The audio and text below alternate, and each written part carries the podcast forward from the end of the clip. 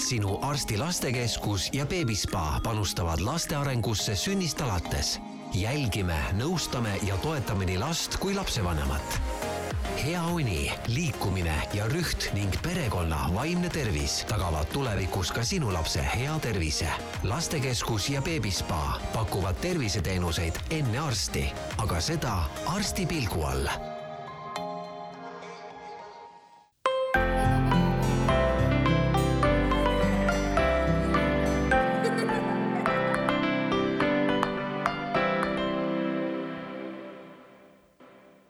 tere tulemast kuulama Delfi podcasti, mis kannab nime Väikelapse areng. selles saates räägime lapse arengust, tema vajadustest, tunnetest, sotsiaalsetest oskustest ja selle arengust ja paljust muust olulisest, mis puudutab lapsi vanuses peaasjalikult kaks kuni kuus eluaastat. ja täna on mu külaliseks tuntud perearst, doktor Anneli Talvik, tere Anneli! tere! Anneli, alustaksin kohe küsimusega, et miks olete omale südameasjaks võtnud just lapsed? Ma olen töötanud perearstina mitukümmend aastat ja mulle väga meeldib äh, kõikide inimestega rääkida tervisest nii, et ta ei tuleks minu juurde enam uuesti tagasi. ehk siis, et ta õpiks olema terve ja olen näinud seda, et mida nooremast vanusest selle tööga alustada, seda paremini see töötab, lapsevanemad tahavad, et nende laps oleks terve, saaks õnnelikuks, oleks kunagi tulevikus edukas ja kui nendele õpetada, mis on seotud väikese lapse tervisega, et see ei ole lihtsalt see, et kaalume ja mõõdame, vaid palju laiem, siis äh, see on vanemate poolt nii hästi vastu võetud ja mul on arstina see kogemus olemas, et need lapsed, keda ma olen ju juhendanud äh, beebina kakskümmend aastat tagasi ja nende vanemaid, siis täna nad on terved, noored, tasakaalus inimesed, kes oskavad tulla vajadusel abi küsima, aga oskavad vajadusel ennast ise juhtida ja minu meelest see võikski olla tuleviku tervishoid. Ja kõlab tõesti nagu äh, tuleviku tervishoiu moodi, sellepärast et praegu on ju ikkagi peaasjalikult nii, et kui sul on see beebi, sa käid temaga iga kuu, noh, seal alguse poole vähemalt siis äh, profülaktilises kontrollis ja mis seal siis toimub, seal on ikkagi peaasjalikult kaalumine, mõõtmine, siis vaadatakse kõverad, kas kõik on seal jonksus, kaalu ja, ja pikkuse mõttes, võib-olla mõned soovitused, aga tegelikult see on ju kõik. Ja, ja mul on sellest äh, selles mõttes kahju, ma olen oma praksises saanud äh, ise oma tööd nii korraldada, et me ei tegele ainult sellega, et äh, minu meelest selline kaalumine ja mõõtmine on kindlasti äärmiselt oluline, sest ikka meil on lapsevanemaid, kes õigesti ei tegutse või kellel lapsel on haigus ja me peame nad õigel ajal üles leidma, see on tähtis aga see jääb nagu mingis mõttes ikkagi sellisesse nagu sõjajärgsete nälja-aastate teemasse, et kas ikka laps piisavalt on söönud, meil on ju täna see teema, et laps on liiga palju söönud või vanemad on liiga palju söönud või söövad liiga valesid asju ja lapsel on gaasid ja siis tal hakkavad need mured ja siis lähevad vanemad närviliseks ja perel on hoopis teised probleemid. et selleks, et see laps kasvaks nagu toetatult, turvaliselt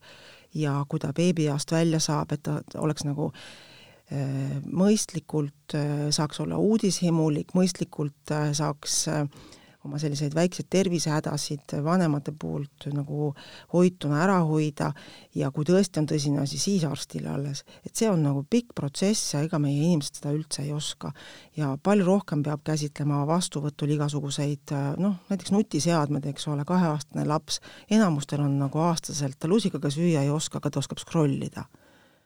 ja see on see koht, et äh, need ohud ja nende kõik selle ärarääkimine. Ja ma tean, et äh, kõikidel arstidel on tööd palju, väga raske on selleks aega leida, see peab olema väga tugev tahe, et hoida seda visiiti niisugustes raamides, et selle jaoks jääb aega. Ja kui vanemal siis see avanemine toimub viis minutit enne visiidi lõppu ja näiteks ema, kes on äh, suutnud viienda-kuuenda kuuni niimoodi beebiga koos kasvada, et et tal on sünnitusjärgne depressioon näiteks ja ta pole saanud sellest rääkida ja kui ta hakkab sellest siis rääkima, nagu ma ei tea, viis minutit enne uksest väljaminekut, siis see on nii tähtis teema. et mm -hmm. seda ei saa nii jätta. ja selle tõttu ma olen ka oma töös teinud terve rea ümberkorraldusi, et see kõik oleks võimalik käsitleda, et inimesed saaksid, vanemad saaksid tuge, sest et beebide tervis käib ikka läbi vanemate jaa, seda on väga tore kuulda, ma olen ise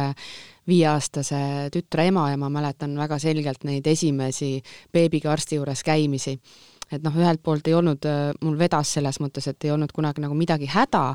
aga värske emana, ilma igasuguse kogemuseta, sa ikkagi mõtled kogu aeg äh, mingid pisikesed asjad tekitavad sinus suuremaid probleeme, kui nad tegelikult on, sest sa lihtsalt ei tea ja, ja minul konkreetselt oli, oli nagu selline juhus rohkem, et mu laps võttis nagu hästi juurde. ja ja, ja teda paigutati kogu aeg nagu seal kaalukõveras nagu sinna üles, üles, üles ja mulle tundus, et see oli nagu rõhutatult mulle nagu öeldud. et noh, et ta on, et noh, okei okay,, ta on veel seal nagu äh, enam-vähem õige joone peal, aga noh, väga üleval ja siis mul oli kogu aeg selline tunne, et kas ta nüüd saab siis liiga palju süüa või mis toimub või, sest tegelikult see ei olnud äh, üldse veel see aeg, kui, kui ta mingit toitu lusikaga oleks saanud. aga ei, tänaseks päevaks on kõik hästi, aga lihtsalt ma mäletan nii, nagu neid äh, väikeseid muresid, mis noh, ei olnud nagu mingid suured probleemid, aga aga vast see ema jaoks on ka mingid väga väikesed asjad teadmatusest äh, suured probleemid. ma kindlasti tahaksin just seda nimelt üle öelda, et ikkagi äh, meditsiin on meil läinud hirmus tehniliseks ja kõike nagu käsitletakse analüüsi tulemustena, uuringutena, parameetritena, normiväärtustena Äh, ka kõveratena, noh, no et kas ma mahun normidesse kui mahun normidesse, siis on justkui kõik korras, aga eriti noor lapsevanem vajab väga palju tuge, ei oska hoidagi seda last käes, ei tea, et äh, mida teha, kui rind kipitab imetaval emal või või mida teha, kui laps äh, viskab asju nurka, kui ta, kas ta, kui ta kaheaastaselt juba ei räägi, aga kõikide teiste lapsed räägivad, mis see tähendab. et sellised asjad on tegelikult see on see tegelik elu ja selleks jääb liiga vähe aega ja ma ei teagi, kas see peab tänapäeval tingimata tervishoiuprobleem olema, et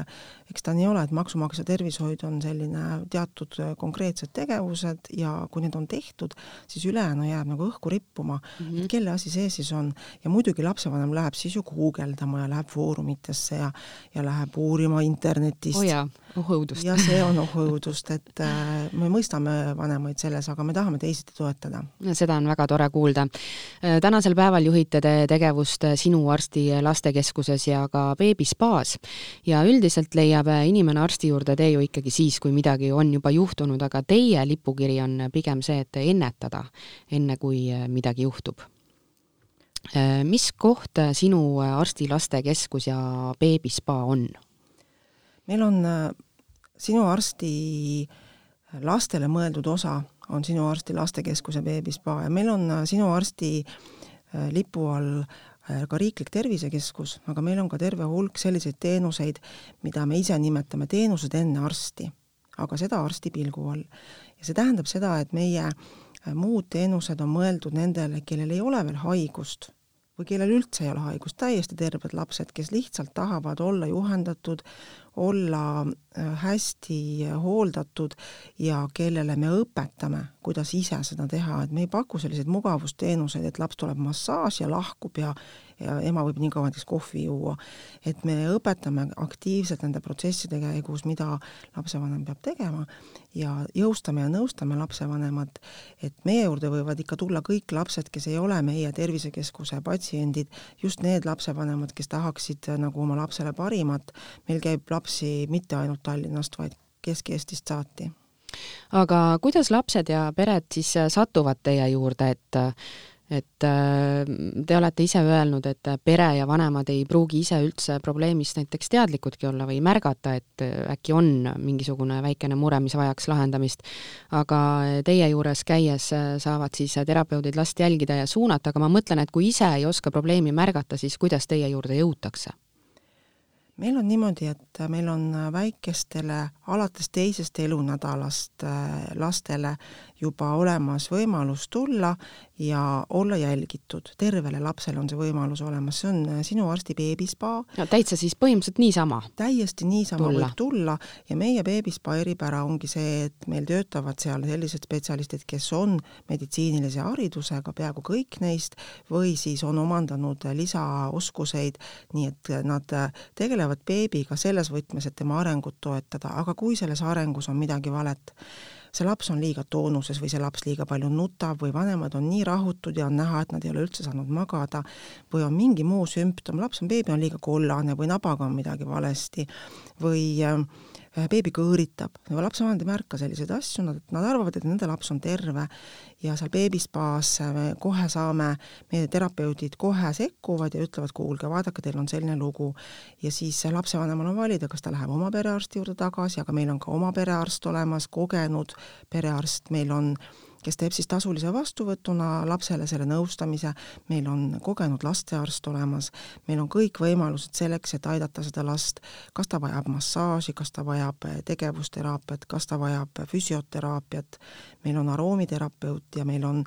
siis äh, nagu tsoonterapeut, kes väikestele beebidele väga hästi kõhugaaside vastu äh, saab aidata, et ei pea alati mõtlema, et tegemist on tervisehädaga, see käib kõik koos nõustamisega, mida saab ema teha oma toitumisega, mida saab pere teha magamisega, meil on beebide unenõustaja, kuhu siis on oodatud need lapsed, kes öösel nutavad või kes ei jää õhtul magama või kes ei saa vanemate voodist välja, kui nad juba võiksid olla oma voodis, äh, kes on liiga palju rinna otsas. Ja see kõik on äh, selles mõttes hästi läbimõeldud, et et kuigi see lapsevanem ise tuleb terve lapsega, siis äh, meil on arsti pilk peal. Ja jällegi meil on teenused enne arsti, aga seda arsti pilgu all ja, ja meile tullakse kinkekaartidega, laps, meil saab osta neid kinkekaarte ja siis paljud kingivad oma sõpradele, oma sugulastele beebi ja beebi jaoks selle beebispa kinkekaardi ja niimoodi meil paljud alustavad. meie oma nimistute lapsed äh, arsti poolt suunatuna lähevad füsioteraapiasse, füsioterapeut ütleb, et oo, siin oleks vaja võib-olla ujutamist. Ja meie beebispa eripära on see, et tõesti teisest elunädalast saab oma vannikese, meil on väga hubane ja privaatne. Seal on äh, puhtus, seal me ei kasuta kloori, et selles mõttes on juba isegi ära langemata nabaga beebi on teretulnud ja see mõjub nendele nii hästi, see on imeline, vanemad lahkuvad sealt väga õnnelikena. Anneli, te mainisite juba väga mitut väga olulist teemat, ennekõike ka uni ja ma varsti jõuaksin selle juurde ka tagasi, aga aga korra veel tulla nende põhiliste teenuste juurde, siis äh, mida juba mainisite ka, et äh, liikumine, toitumine, vaimne tervis ja uni. Ja üks äh, huvitav asi tegelikult, mis ma veel ise leidsin siit, on rüht. Et äh, mina ise ka siis väikese lapse vanemana tean, et äh, soovituslikult tuleb käia lapsega hambaarsti juures kaks korda aastas, profülaktilises mõttes juba ja, ja ka selles mõttes, et ta harjuks, et tal ei tekiks seda hirmu võib-olla, mida meil kõigil on omajagu olnud, kuna ajad olid teised. Ehm, siis tuleb kontrollida silmi, ehm, et enne kooli oleks sellega kõik korras, aga rüht, see on selles mõttes üllatav, et seda ei ütle nagu keegi et, et rühiprobleemid võivad olla ka sellised, et vanem ei oska seda ise nähagi. ja samamoodi, et enne kooli minekut võiks sellele korra tähelepanu pöörata. jaa, see on väga oluline teema ja tõepoolest meie arstid, kes lastega arsti vastuvõtul tegelevad, hoiavad sellel silma peal, aga ega lapsevanem väga liikuval lapsel ei oska hinnata tema lülisamba asetust ja pigem osatakse vaadata, et mu laps käib sissepoole varvastega või mu lapsel on kuidagi jalad längu vajunud või on lausa kõverad, et olgu vanematele rahustuseks öeldud, et väga väikesel lapsel, alla kaheaastasel lapsel, kes ilusti D-vitamiini saab, sellised väikesed jalgade väärasendid, kõik sirguvad ära, et seal on vaja niisugust head juhendamist ja meie füsioterapeudid ka nõustavad, et milliseid harjutusi laps peaks tegema, kuni üheksanda eluaastani jalgade telg muutub ja see kõik on okei. Okay.. aga siis äh, lülisambarüht on niisugune, mis äh, on ähm, väga üllatuslikult, ilmneb alles koolis esimestes klassides, et midagi on valesti. ja kui veel siin võib-olla üks kümme aastat tagasi öeldi, et ärge siis kandke nagu kotti ühes käes ja vaadake, et see laps ikkagi laua taga istuks nagu nii, et mõlemad käed on laua peal, siis tänaseks on ju kõik muutunud, enamus lapsi istub väga vähe laua taga, pigem istutakse niimoodi, et mingi ekraan on silma ees ja liiga palju üldse istutakse. ja see kõik äh, Äh, ilmneb koolieas, aga tegelikult see tekib juba varases lapsepõlves ja meil on mm, üks niisugune väga huvitav, äh, väga huvitav võimalus, äh, mis on, baseerub traditsioonilisele meditsiinile, see baseerub Jaapani sellisele manuaalteraapiale ja see on kombineeritud kaasaegse biodünaamikaga, see on niisugune taastusravimeetod nagu Jumeiho teraapia. meil on sinu arstis Jumeiho keskus ja meil on lasteosakond ja me oskame need lapsed äh, suunata, arstid oskavad suunata otse sinna, aga kui lapsevanem või terapeut ei ole päris kindel, et kas lapse rühiga on kõik hästi, siis meil on ka iga kuu üks kord käib meil spetsialist Euroopast, kes on selle nagu kõige kõrgema taseme spetsialist, kes hindab äh, lapse rühi ära, tulla võib kuskil alates viiendast-kuuendast eluaastast ja me leiame väga palju lapsi, kellel on üks õlg oluliselt madalam ja kui sealt siis süveneda, siis selgub, et sellel lapsel on vaagen hoopiski viltu. ja see on plastiline seisund, see tähendab seda, et laps on niivõrd hea lülisambaga ja pehme, et seda kõike saab muuta, seda tirivad paigalt ära lihased ja kõõlused ja see on alanud juba noh, esimesest, teisest, kolmandast eluaastast, aga laps on pidevas liikumises, me ei märka seda. aga ühel hetkel, kui see laps aina rohkem hakkab istuma, siis see kõik süveneb ja siis näeme kümneaastaselt, et üks õlg on täitsa palju madalamal. Jumeiho teraapia suudab äh, selle äh, vaagna selliste kergete, pehmete võtetega, mida tehakse väikelapsele matil ja riietes sellise mängulisusega kooskõlas, saada tasakaalu. Ja see on nagu vundament äh, majale, et kui vaagen on tasakaalus, siis see lüllisammas sirgub ise ära, vajalik on lihtsalt normaalne füüsiline koormus. nüüd peab teadma, et meil on mõned sellised äh, spordialad ja mõned olukorrad, kus see pidevalt libiseb uuesti paigast ära, need on sellised kontaktspordialad, näiteks laps, kes mängib tennist, tema võib päris kindlasti minna viltuseks uuesti, puberteedieas, kui laps kasvab, siis võib äh, see lülisammas uuesti ära vajuda kiire kasvu perioodil ja me eristame siin neid lapsi, kellel on kaasasündinud mingi lülide viga, vot nemad on selline grupp lapsi, kes peaksid kindlasti kuuluma nii-öelda lastehaigla kirurgide ja ortopeedide vaatevälja, seal tuleb opereerida, pannakse sisse rauad ja traadid ja ränk taastusravi, need lapsed on praktiliselt invaliidid. aga enne, kui see on nii-öelda nagu nagu rühi äravajumise printsiibil normaalsel ülisambaga lapsel, siis äh, on äh, on äh, tõesti äh, ikkagi äh, abi sellest Jumeihost ja need vaevused, ma kordan, et need vaevused ei teki, lapsel ei ole mitte mingeid kaebused, need tekivad kuskil kahekümnendal eluaastal, me märkame seda kümne-viieteistaastaselt, aga valutama hakkab see selg kahekümneselt, nendel naistel, kellel on vaagen viltu, nendel on väga valusad menstratsioonid näiteks. ja sellest ei räägita meditsiinis kuigi palju ja meie terapeudid saavad siin väga hästi aidata, ma olen nüüd aastaid kõiki oma lapsi saatnud rühikontrolli kontrolli, mida meie ju Meiho meetodil tehakse, meie terapeudid nende lastega tegelevad nii sageli kui vaja ja need lapsed on sirged ja ma loodan, et kahekümneaastaselt on need lapsed seljavaludeta jah, huvitav asi, millele siis äh, veel tähelepanu pöörata. aga Anneli, te olete oma keskusega nõu ja jõuga olemas hetkes, kui beebi sünnib. et mida te sünnist alates lastele pakute? meil on tõepoolest äh, niimoodi see läbi mõeldud, et perearstid on öelnud, mida kõige rohkem lapsevanem vajab. Ja esimesed asjad on nõustamine, kuidas last hoida, kuidas last toita, meil on imetamisnõustaja, meil on ämmaemand, kes äh, saab äh, teha sünnitusjärgset läbivaatust, meil on olemas vaimse tervise õde, kes võtab lapsekese vanema kes on siis oma meeleoluga kimpus vestlusele, vajadusel koos arstiga äh, lausa psühholoogia, lausa ravimid, aga äh, see on nagu mõeldud juba raskemad juhud, me tegelikult lähtume sellest, et beebiga saab hakata käima beebispaas ja seal terapeudid siis juhendavad ema ja isa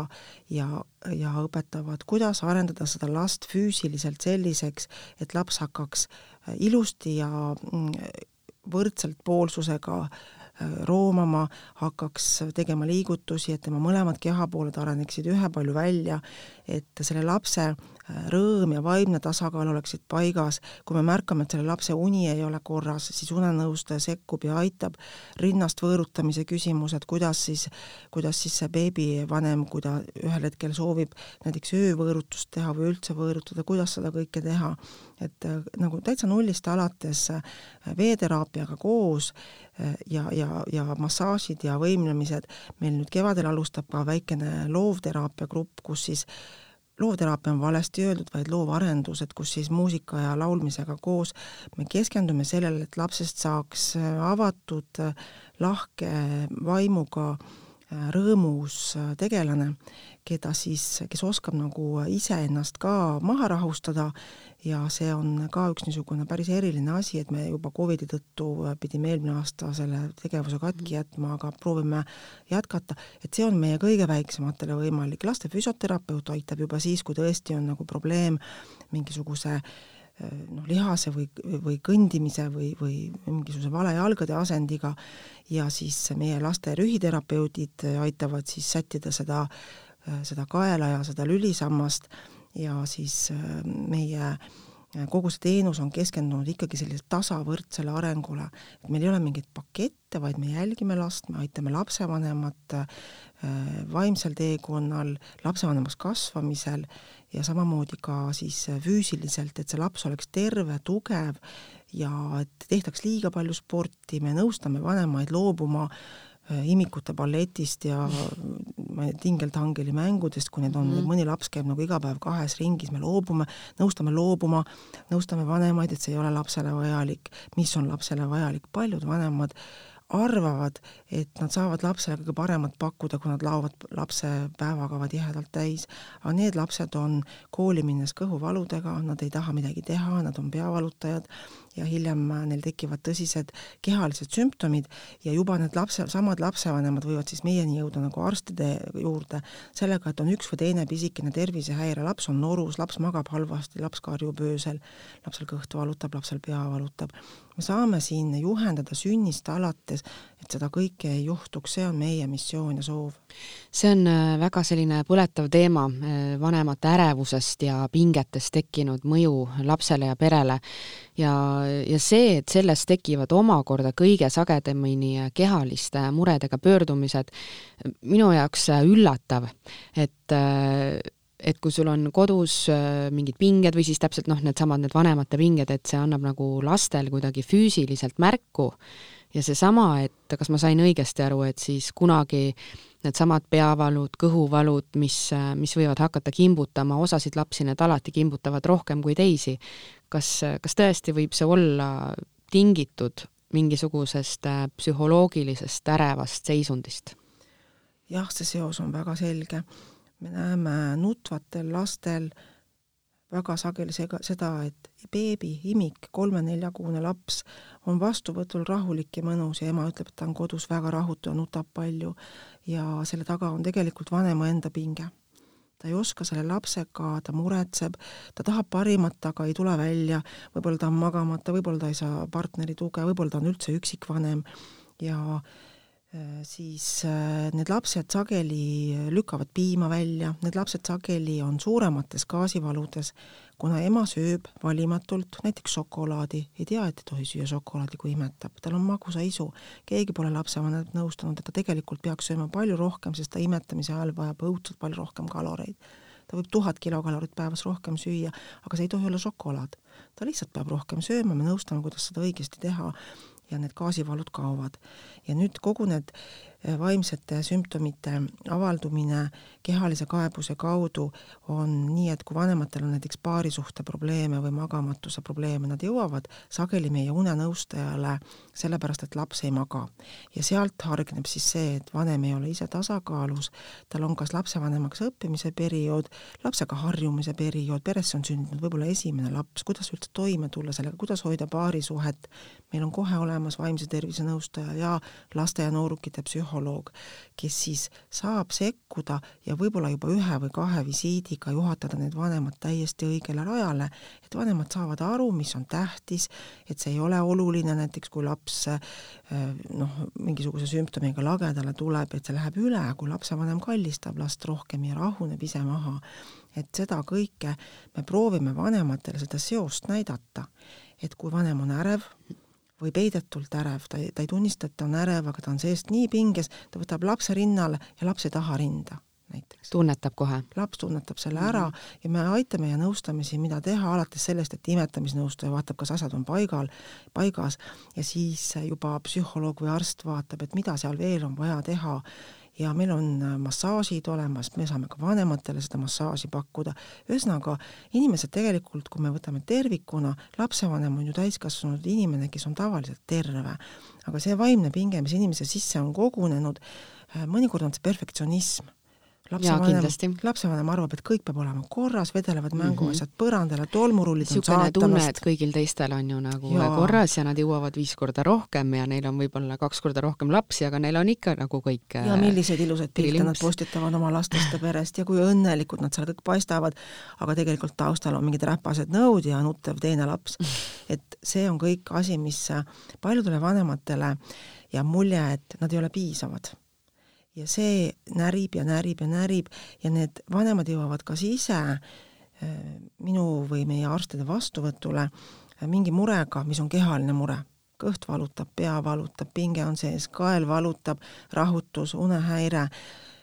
me tunneme ära kogenud arstidena selle ja me pakume siin lahendusi ja räägime ja vestleme inimesega, aga veel kord, mida varem tulla, seda parem. ja, ja meil on Eestis on niisugune meditsiin, et on eriti praegu Covidi ajal ka, et nagu justkui ei passi millegiga tühisega pöörduda.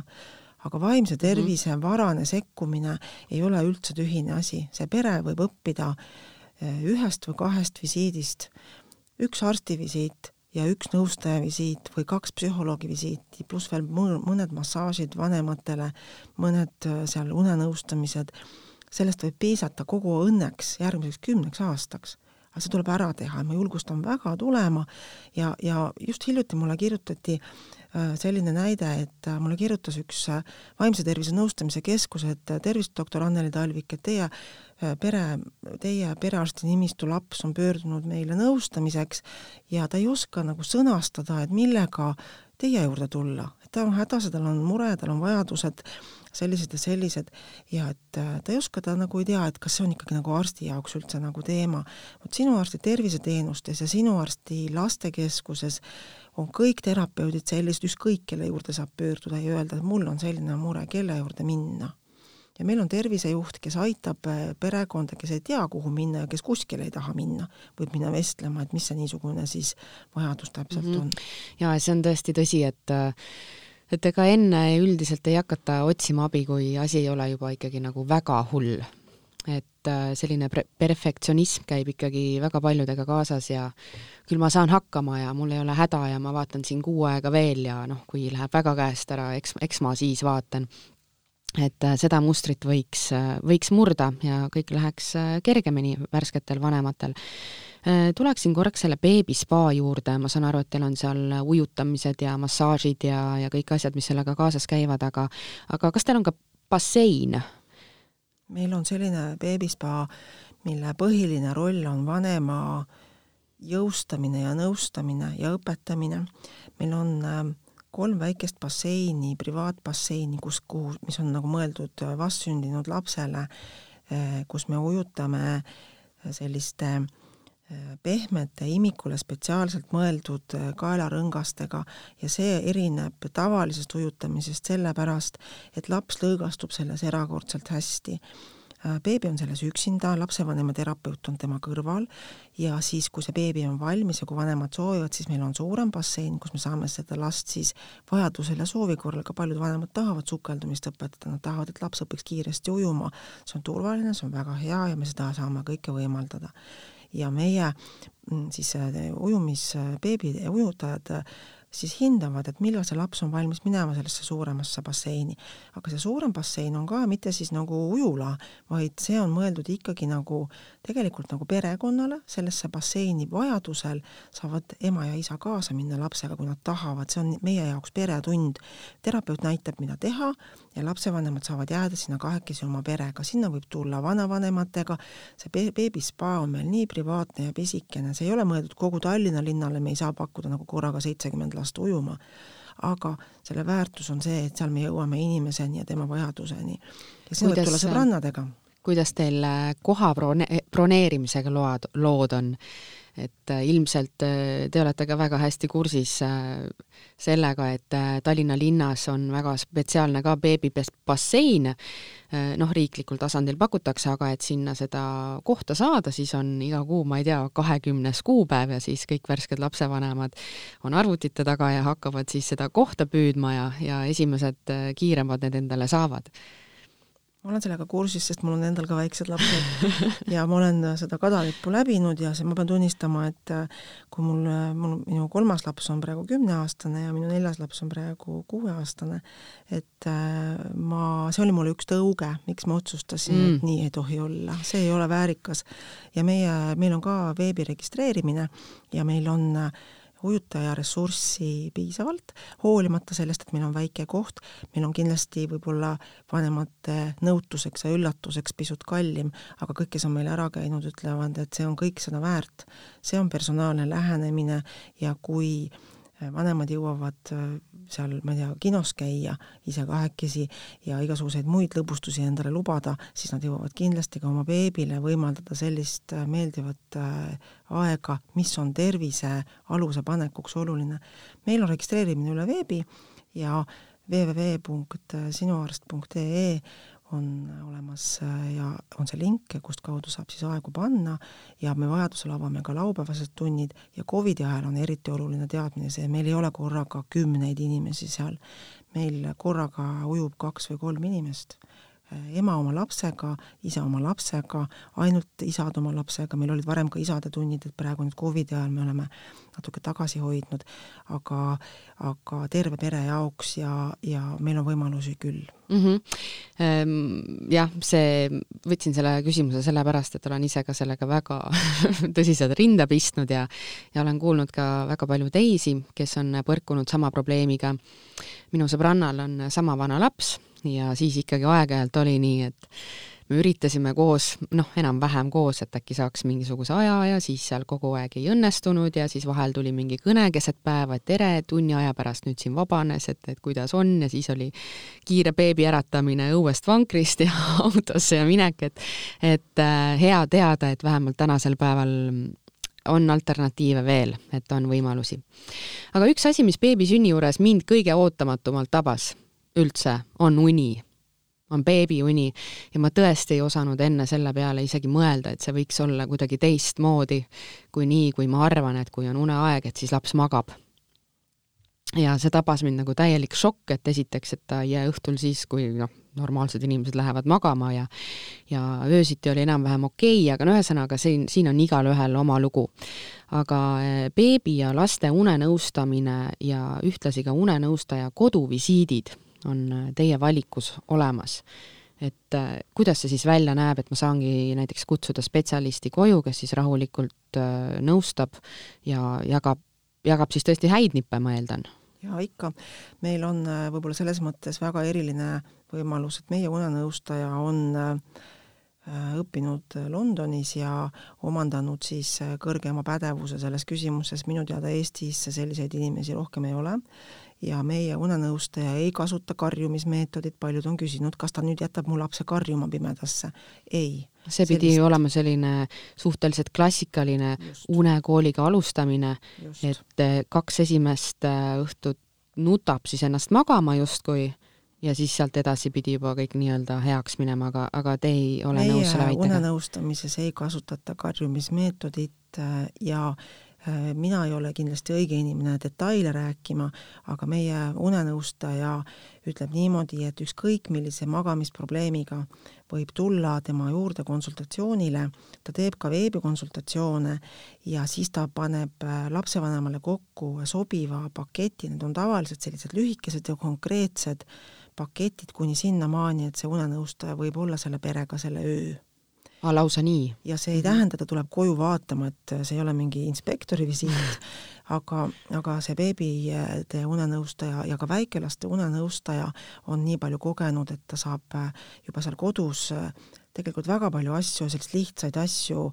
noh, ütleme siis vale valgus, liiga tugev televiisori hääl, ringi müdistavad lapsed, valed magamajäämise rituaalid, vanemate närvilisus või, või pinge, vanemate valed ootused, nagu te ise ütlete ka, et, et see oli üllatus, et, et ma ei saagi last kell pool üheksa magama täielik panna. üllatus. ja, ja mõnel on vastupidi, et laps magab terve päeva ja siis tahaks terve öö üleval olla mm -hmm. ja siis vanemad siis võtke või jätke, see on kahe või kolme päeva pärast katastroof. jaa, aga, aga nii raske on jälle magavat beebit äratada sest kui see beebi magab, see on nagu, see on nagu püha Just. ja seda on nii raske teha lihtsalt, see ülesäratamine. ja seal on hästi sagedasti selline asi taustal, et emal on enda jaoks ikkagi väga vähe aega ja see on sageli emale puhkeaeg, kui laps magab ja siin hakkavad tekkima sellised kombinatsioonid, et ema ei ärata last mitte sellepärast, et see on lapsele halb, vaid sellepärast, et ta vajab lihtsalt veel seda poolt tundi millegi iseendaga tegelemiseks heas mõttes, ta vajab kas puhkeaega või ta tahab natukene mm -hmm. lugeda või ja kokkuvõttes see teeb talle ju head. see on ju pere vaimne tervis, ema peab olema mhm. tasakaalus mm, -hmm. lennukis ka sa paned maski endale pähe, kui lennuk kukkuma hakkab, kõigepealt ja siis järgmistele mm. -hmm. ja see peab nii olema. ja nüüd siis äh, selle une küsimuses hakkavad põimuma nagu lapsevanema vajadused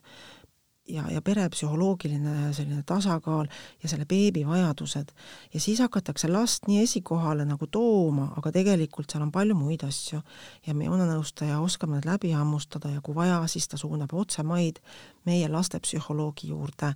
selle perekonna üldse mitte lapse ega beebit me psühholoogi juurde ei saada, aga lastevanemad võivad vajada toetust, sageli isad arvavad, et nendel küll ei ole mitte midagi vaja, et nemad teavad, kuidas on ja las ema tegeleb, aga väga palju on ikkagi seda, et emal on vaja seda isa toetust või mingisugustest dogmadest lahtilaskmist ja ja isa on kuulanud perekonnas näiteks oma ema, kes on siis selles peres ämm,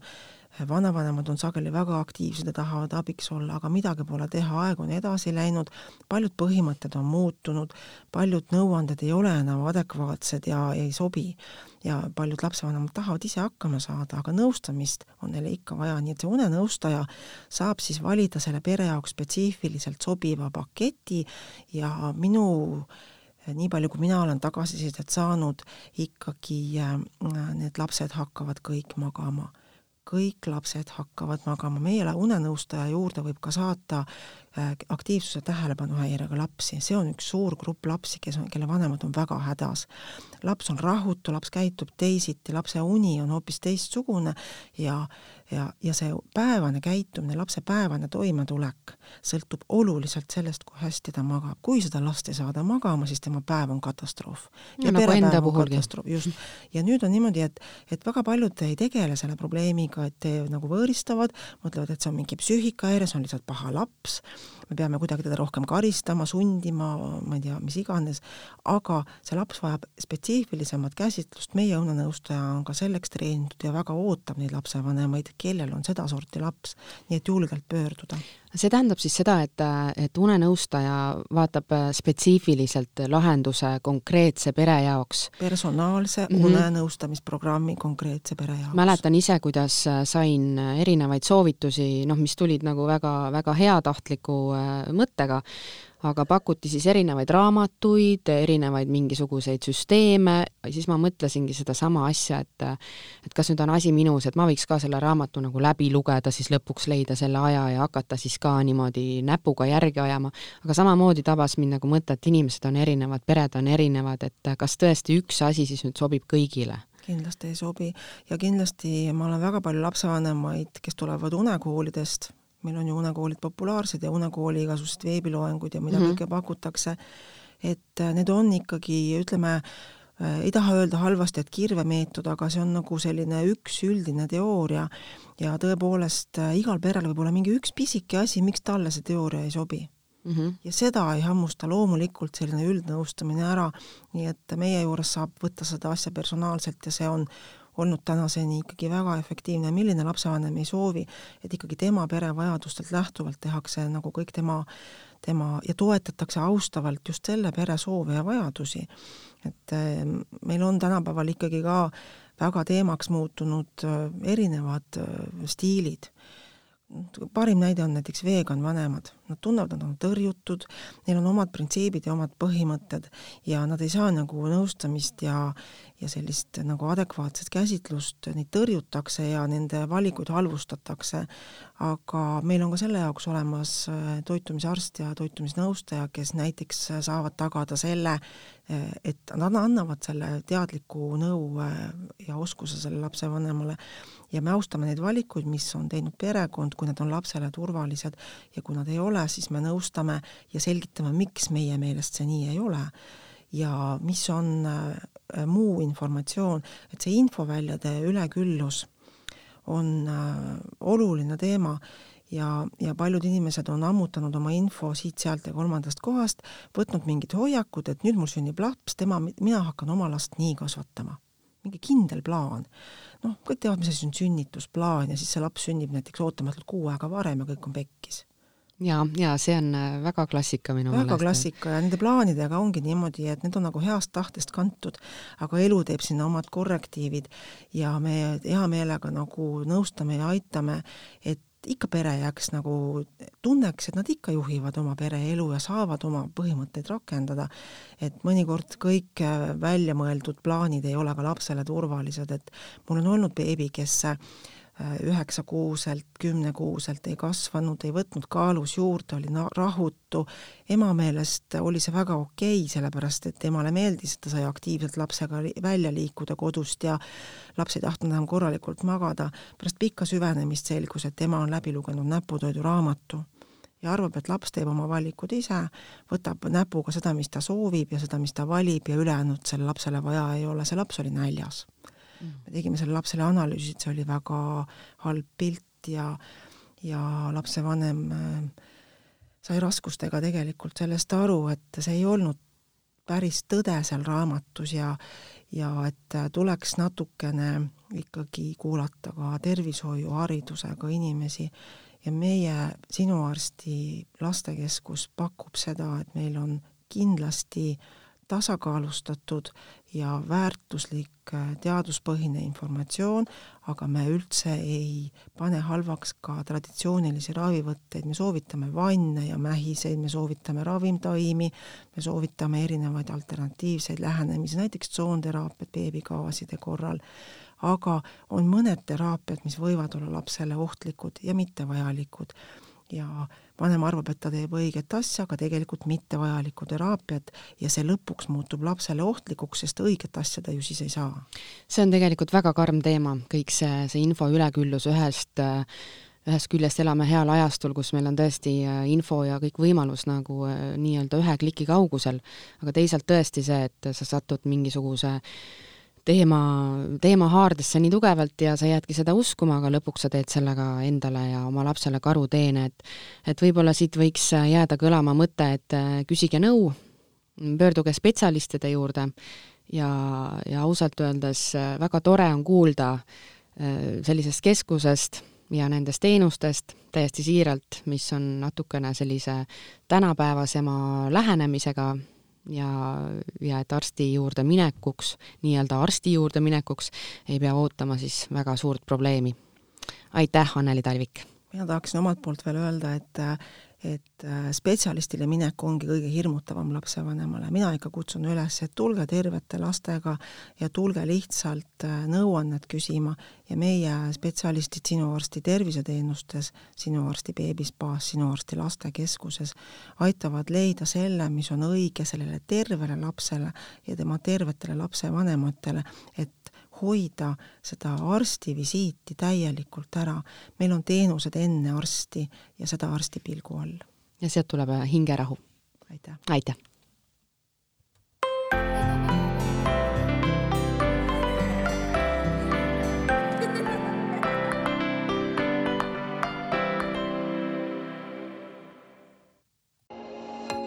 sinu arsti lastekeskus ja beebispa panustavad laste arengusse sünnist alates jälgime, nõustame ja toetame nii last kui lapsevanemat. hea uni, liikumine ja rüht ning perekonna vaimne tervis tagavad tulevikus ka sinu lapse hea tervise. lastekeskus ja beebispa pakuvad terviseteenuseid enne arsti, aga seda arsti pilgu all